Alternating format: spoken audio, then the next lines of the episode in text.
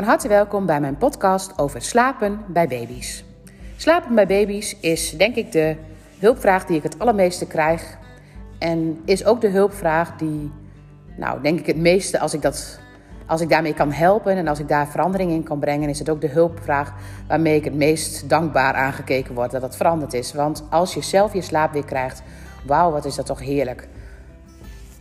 Het moment dat je naar het slapengedrag van baby's kijkt, dan is het belangrijk om te weten dat slapen rusten is. Slapen is rusten en slapen hoort ook bij het onbewuste. Op dat moment ben je onbewust. Als je gaat slapen, dan gaan ook alle systemen aan om je eigenlijk te herstellen, om je lichaam te gaan herstellen. Nou, stel je voor, hier zou op dit moment een roofdier binnenlopen dan kun je al begrijpen dat mijn lichaam niet in de ruststand gaat, gaat schieten. Mijn lichaam gaat juist in de actiestand en op welke manier dan ook maar in het vechten, in het vluchten of in het verstarren. Maar mijn lichaam gaat in de actiestand en gaat op dat moment de ruststand niet gebruiken. Die ruststand, die hebben we nodig om te slapen. Dus eigenlijk bij kinderen bij wie het slapen nog niet zo goed lukt, zie je vaak dat er nog iets is wat een roofdier voor ze is. Nou, wat zijn dan roofdieren? Want ik weet zeker dat alle mensen die dit luisteren thuis een hele veilige situatie creëren. Roofdieren zijn er heel klein en zijn er heel groot. En soms heb je zelf niet eens door wat een roofdier is bij een baby. Stel je voor, je, ehm, stel je voor ik zou bijvoorbeeld heel onrustig zijn en uh, mijn kinderen zouden bij mij zijn. Dan zou ik merken aan mijn kinderen dat ze ook onrustig zijn. Of stel je voor, ik zou ergens mee bezig zijn en ik maak me daar heel druk over. Dan voelt mijn kind dat ik daar me druk over maak. Dan voelt mijn kind dat ik stress heb. En mijn kind, stel je voor, ik zou stress hebben als ik hier naar binnen zou gaan. En um, ik neem jou mee. En jij voelt aan mij dat ik stress heb, dan krijg jij ook stress. Want je voelt dat er iets gaat gebeuren wat spannend is. Oftewel, ergens in de omgeving is iets wat voelt als een roofdier. En um, stress van jezelf kan dus een roofdier zijn. Maar het kan ook heel goed zijn dat je in de zwangerschap zoveel stress hebt gehad. dat het systeem eigenlijk alleen maar heeft aangestaan op het, op het gebied van uh, roofdieren. Dus dat er elke keer. Um, nou, dat je bijvoorbeeld de, elke keer zelf ook in de actiestand bent geweest. En als je elke keer zelf in de actiestand bent geweest, heeft het kind ook niet anders geleerd dan dat er altijd een actiestand moet zijn. Rust en actie, dat is hetgeen waar het eigenlijk over gaat bij slapen. Hoe gaat het met de balans tussen rust en actie? En wat in de omgeving is een roofdier? Stel je voor je hebt in de zwangerschap heel veel stress gehad, dan heb je in de zwangerschap doorlopend een roofdier bij je gehad. En dat roofdier heb jij gevoeld, maar heeft je kind ook gevoeld. En automatisch, dat systeem wat jij aanzet, onbewust, gaat ook onbewust aan bij je baby. En als hij dan geboren is, dan weet jij misschien mentaal Oh, maar er zijn geen roofdieren, maar dat weet de baby niet. De baby die, die weet niet anders dan dat hij tot dan toe in alle situaties aan moest gaan om te zorgen dat hij het zou overleven, zoals jij dat ook had gedaan in de zwangerschap. Nou, soms is er in de eerste fase veel meer aan de hand. Stel je voor, een babytje is net geboren en uh, de bevalling was heel erg naar. Dan zorgt het ook voor een actiesysteem. En dan heeft, is, heeft een baby en de moeder en de vader natuurlijk het nodig om weer bij te komen van die situatie. Dus het moment dat de bevalling heel heftig was, als ik iets heel heftigs nu meemaak, dan is het belangrijk om dat te verwerken. En het moment dat ik zomaar weer doorga, dan blijf ik daar onbewust mee bezig. En dat houdt mij uit mijn rust. Oftewel, als er in de zwangerschap of in de bevalling iets heel traumatisch is geweest voor jou als moeder, dan is dat automatisch ook traumatisch gevoeld voor de baby. En op het moment dat het traumatisch gevoeld is door de baby, dan staat de baby op dat systeem nog aan en moet eigenlijk de situatie verwerkt worden. Het moment dat je als ouder dat verwerkt, dan zal ook de baby dat verwerken. Dus het is belangrijk om voor jezelf te erkennen en te zien van wat heeft er allemaal gespeeld, waardoor er een bepaalde onrust is in, in mijn systeem en daardoor ook in het systeem van mijn kind.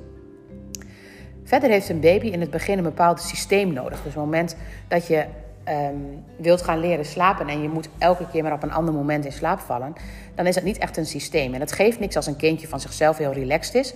Maar andere kinderen hebben het juist nodig om steeds heel helder te hebben van dan krijg ik eten, zodat ze zich daar niet druk over hoeven te maken. Dan hoor ik te slapen, zodat ze zich daar ook niet druk over hoeven te maken.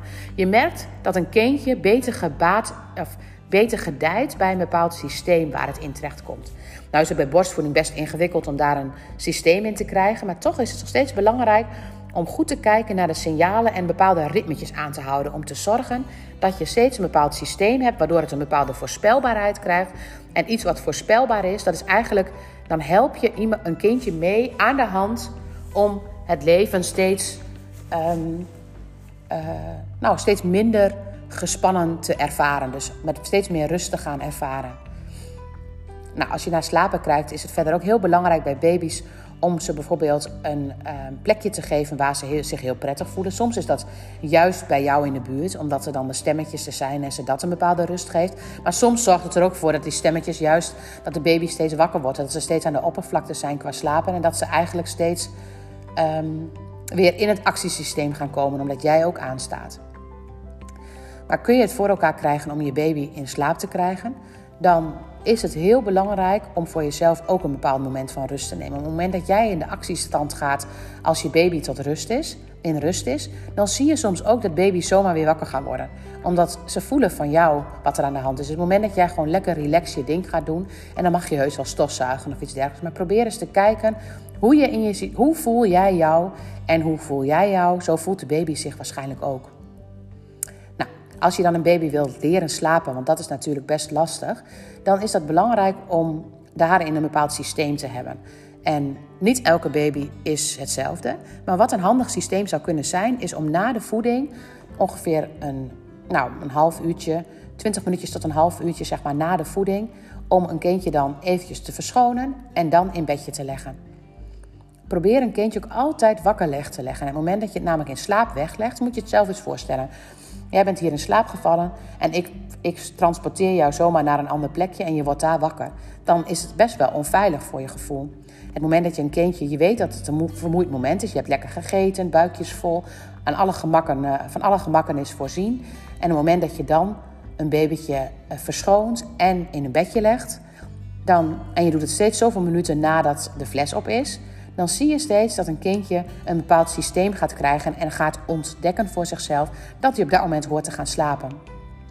Nou is het natuurlijk een illusie dat een kind dan direct gaat slapen, maar het moment dat je een kindje dan wel weglegt en ook niet als hij dan gaat huilen direct weer oppakt, dan leer je een kindje om wakker weggelegd te worden. En dat is wel belangrijk, omdat je als een kind wat groter is, echt een ingewikkelde situaties gaat krijgen als je het steeds moet gaan sussen of steeds moet gaan wiegen het moment dat je de, een kindje in de kinderwagen legt of in het bedje boven. En ehm, ik adviseer daarin. Natuurlijk is de rustigste plek het fijnst. Maar op het moment dat je steeds naar boven moet voor een speentje. dan word je er zelf kriebelig van. En als je er zelf kriebelig van wordt, voelt een baby dat ook. Dus doe het vooral wat jou het meeste comfort biedt. Het moment dat je dus je baby in de kinderwagen legt, je legt een knuffeltje erbij, een speentje en je zegt even: je moet lekker gaan slapen. En je gaat dan weg dan zal een kind misschien wel direct gaan huilen. Dat kan heel goed, want het moet nog even wennen aan de situatie dat jij wegloopt. En het maakt mij niet uit hoe lang je dan qua tijd wacht om eventjes er weer naartoe te gaan. Maar probeer jezelf aan te leren om dan eens 10 seconden of 15 seconden... of misschien als het heldje het toelaat, een halve minuut of misschien een minuut te wachten... Om dan vervolgens weer er weer naartoe te gaan en het kindje niet op te pakken.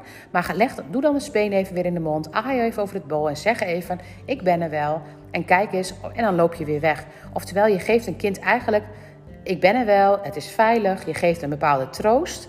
Maar op het moment dat je een kindje optilt, dan laat je zelf ook zien. Op het moment dat, dat jij hier ligt te huilen en ik zou jou zo direct optillen op zo'n manier van ik red je uit deze situatie, dan laat, geef ik jou zelf het gevoel alsof ik je in een panieksituatie zit. Maar dat zit je helemaal niet. Want je moet gewoon lekker gaan slapen. Dus ik mag je gewoon lekker op je bed laten. Ik aai even over je bol. Ik doe je speen even in de mond. Ik geef jou het knuffeltje. En ik loop even weer weg. Want als ik dan even weer wegloop, geef ik mijn kindje even weer de kans om zelf in slaap te vallen. En ik adviseer altijd om dat iets van drie keer te doen. En op het moment dat je drie keer hebt gedaan, dan heb je meestal wel tussen aanhalingstekens gewonnen. En dan gaat een kindje zich vaak wel overgeven. Maar op het moment dat je de eerste keer meteen al een kindje oppakt, dan is het heel simpel geleerd. Het is net een Pavlov-reflex. Je, net als wat een hondje doet, zeg maar. Het een, een soort trucje waarna hij een koekje krijgt. Dus op het moment dat je een kindje gaat huilen en je pakt het direct op, dan heeft een kind dat heel snel geleerd. Dus om een kind te leren in slaap te vallen, is het belangrijk om het wakker weg te leggen. Want dat voelt het, voelt het veiligst. En daarnaast even de, het, de drie keer er naartoe regel toe te passen. Want dan laat je een kindje weten dat slapen in principe veilig is. Nou, het moment dat het echt niet lukt, en dat lukt soms echt niet, dan ga je even iets doen. En het maakt me echt niet uit wat je dan gaat doen, maar de intentie moet niet per se zijn dat een kindje gaat slapen.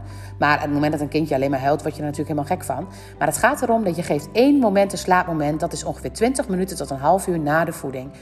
Daarna mag je wat mij betreft gaan wandelen waarbij een kind misschien in slaap valt. Of je mag ergens naartoe gaan waarbij een kindje misschien in slaap valt. Of je gaat een kindje lekker op schoot nemen en je gaat lekker zitten op de bank. Dat mag ook. Alleen één, in, één ding moet er niet aan de hand zijn. Het moment dat je voor jezelf besluit dat je het dan gaat wiegen. Of dat je het graag in slaap wil krijgen. En dat je dus elke keer tussen de voedingen, als je dat eerst hebt geprobeerd, daarna nog weer in slaap gaat proberen te wiegen. Dan ben je zo met slapen bezig. Nou, als ik zo um, twee tot drie uur tussen de voedingen bezig zou moeten zijn met een kindje die in slaap wiegt. Nou, dan ben ik na ongeveer een uur er wel poepie zagrijnig van. En dat voelt een kind ook. Dus het moment dat je het dan kunt loslaten en voor jezelf kunt denken: oké, ik ga jou na de volgende voeding weer een slaapmoment aanbieden, dan help je je kind daarmee en geef je daar een bepaalde rust mee. Dus probeer jezelf te beseffen wat een slaapritme doet, wat het wakker wegleggen doet. En uh, hoe je bepaalde dingen kunt aanleren en hoe iets veilig kan worden. Wat voor een baby uiteraard aanvankelijk nog heel onveilig is. Maar wat heel veilig gemaakt kan worden door het een aantal keer op deze manier te gaan doen. En heel vaak reageren kinderen daar heel goed op. Vaak zie je ook echt al heel snel daar verbetering in dat ze dan lekker gaan slapen. Wat soms ook handig is, is om bijvoorbeeld even te gaan bakeren. En meestal doe je het bakeren s'nachts, omdat je zo graag wil dat ze s'nachts goed slapen. Maar ik zeg ook wel eens, ga eens in het begin ook overdag bakeren. Want bakeren geeft nog zo'n extra demping, zo'n fijn uh, ontspannen gevoel, zo'n veilig gevoel. En veiligheid zorgt ervoor dat een kind makkelijker in de rustsituatie komt. En zoals wat ik aan het begin ook zei, van het rust en de actie. Dus het moment dat er een rustsituatie komt, heb je veel meer kans dat een kind zich gaat overgeven aan de, aan de slaap. Waardoor er veel meer ontspanning gaat komen. En het is zo'n wisselwerking bij slapen. En het moment dat een kind beter slaapt, dan heb je meteen ook een vrolijker kind. Waardoor je zelf weer opknapt, waardoor er zelf weer meer rust komt. En dan kom je helemaal in een positieve spiraal terecht. Natuurlijk zijn er soms ook situaties waarbij het niet alleen uh, het slaapprobleem is, maar dat er, iets aan de hand lijkt te zijn waardoor het kind steeds wakker wordt. Dus stel je voor, je krijgt bijvoorbeeld steeds voeding omhoog. Dat hoort in principe de eerste drie maanden nog zo. Dat mag ook gewoon nog. Alleen op het moment dat het jou steeds beangstigt of dat een kind daar heel erg van schrikt, dan gaat een kindje zeg maar daar. Um, op dat moment bijna bang zijn voor de voeding omhoog en die raakt dan in paniek. Dus probeer ook als ouder zelf op te letten als een kindje voeding omhoog krijgt. Wees niet bang dat een kindje meteen gaat stikken. Probeer rustig te blijven. Dat hoort nou eenmaal bij het begin. Ze krijgen voeding in de maag, kan het allemaal nog niet in één keer aan. En probeer gewoon rustig te blijven bij die voeding omhoog.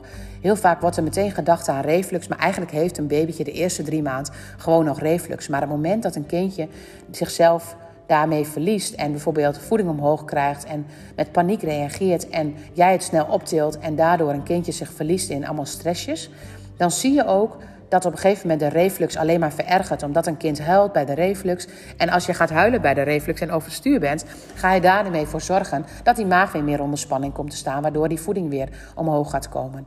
En daarnaast is stress in dit systeem. Het spijsverteringssysteem gaat aan als er rust is. Dus op het moment dat er stress is, dan zal dat systeem minder goed gaan werken. En dan gaat het veel makkelijker omhoog komen steeds. Oftewel, er kan natuurlijk een lichamelijk ongemak zijn waardoor een kindje niet makkelijk in de rust komt. En kijk dan gewoon eens wat er, wat zou er kunnen zijn.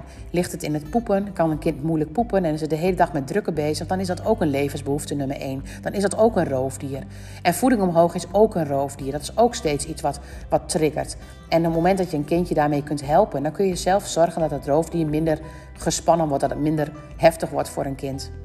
Daarnaast kan het soms zijn dat er verteringsproblemen zijn. Dus het moment dat je zelf namelijk stress hebt, dan gaat als hier nu op dit moment een roofdier binnenkomt, dan zal de maaltijd die ik net heb genomen niet verteerd gaan worden.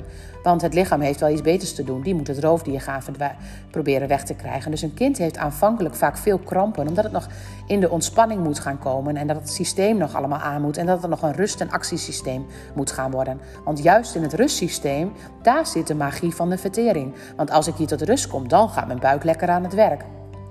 Nou, als je naar de overdag kijkt, zeg maar, dan gaat bij een kind uiteraard tussendoor ook gewoon verteerd worden. Maar s'nachts, wij hebben naast dat wij overdag als baby natuurlijk bepaalde ritmetjes hebben en overdag ook bepaalde momenten van aan en uit hebben, zie je s'nachts vaak ook um, dat overdag is natuurlijk het actiemoment en s'nachts is het de rust. Het moment dat je dus in de rust komt en je ziet daar kinderen veel klachten hebben, veel wakker zijn, s'nachts bijvoorbeeld, dan is daar de orgaanklok. Deze kun je wel eens googlen. De orgaanklok is eigenlijk een ehm, manier van kijken vanuit de Chinese geneeswijze. En ehm, op bepaalde tijden uh, gaan bepaalde systemen extra aan in ons lichaam. Nou, als je bijvoorbeeld kijkt naar tussen ehm, 1 en 3 uur s'nachts bijvoorbeeld, dan is dat het tijdstip waarbij de lever gaat werken. Tussen 11 en 1 is dat vaak de galblaas die werkt. En tussen 3 en 5 is dat de longen die dan hun werk gaan doen. En op het moment dat je naar deze tijden kijkt, dan hoor ik heel vaak tussen 1 en 3, of 1 uur en 3 uur, hoor ik vaak als tijden van het wakker worden. Eigenlijk weet je dan al dat het leversysteem, oftewel het verteringssysteem, op dat moment onder spanning staat. Nou kan ik natuurlijk osteopathisch daar bepaalde dingen mee doen. Dus het is ook heel goed om vanuit de osteopathie of vanuit de technieken vanuit de osteopathie te gaan kijken of je daar wat meer ontspanning in kunt brengen. En, maar het is ook een goede weet, want soms is het ook zo dat er qua voeding dan iets niet klopt. En um, geef je bijvoorbeeld borstvoeding, dan is het heel leuk om een beetje te experimenteren met bepaalde voedingsstoffen. Van wanneer slaapt mijn kind beter? Als je dan bijvoorbeeld een week lang geen melk hebt genomen en je kind slaapt beter, dan weet je al dat de melk een moeilijk verteringsproces is voor je kind. En het betekent niet dat je geen melk zou moeten geven, maar dat je wel voorzichtig zou mogen zijn met melk, waardoor je gewoon langzaam dat weer op kunt bouwen. Waardoor het verteringssysteem niet steeds krampen krijgt, waar uiteindelijk het actiesysteem weer mee aangaat. En het actiesysteem zorgt steeds weer voor meer onrust. Nou, een heel verhaal over slapen. De conclusie is eigenlijk rust en actie. Daar gaat het over. En een kind moet dat absoluut nog leren. Heel vaak zijn bepaalde stressdingen. En kijk eens ook naar hoe je in de zwangerschap hebt geleefd. Heb je daar veel stress gehad? Was veel, waren veel dingen in een hurry? Ja, dan geef je een kind op die manier een stresssysteem mee. En dat geeft niet, want een kind kan daar wel mee dealen. Maar dan moet je wel je kind ook in zien dat dat eigenlijk de basisinstellingen van een kind zijn. Dus dat er maar een ietsje hoeft te zijn waardoor een kind. En daarmee gaat een kind eigenlijk al meer naar het actiesysteem. Dus zo'n kindje heeft meer rust nodig, die heeft meer veiligheid nodig, meer regelmaat. En die zou ik dan ook echt gaan bakeren. Nou, mocht je daar bepaalde vragen over hebben, je kunt altijd mailen. En um, ik kan natuurlijk ook altijd een keer aan een kindje voelen van waar zit de spanning bij dit kind en waar kan ik dit kind mee helpen om het te ontspannen, om deze spiraal de positieve kant op te krijgen. Nou, dankjewel voor het luisteren en tot de volgende podcast.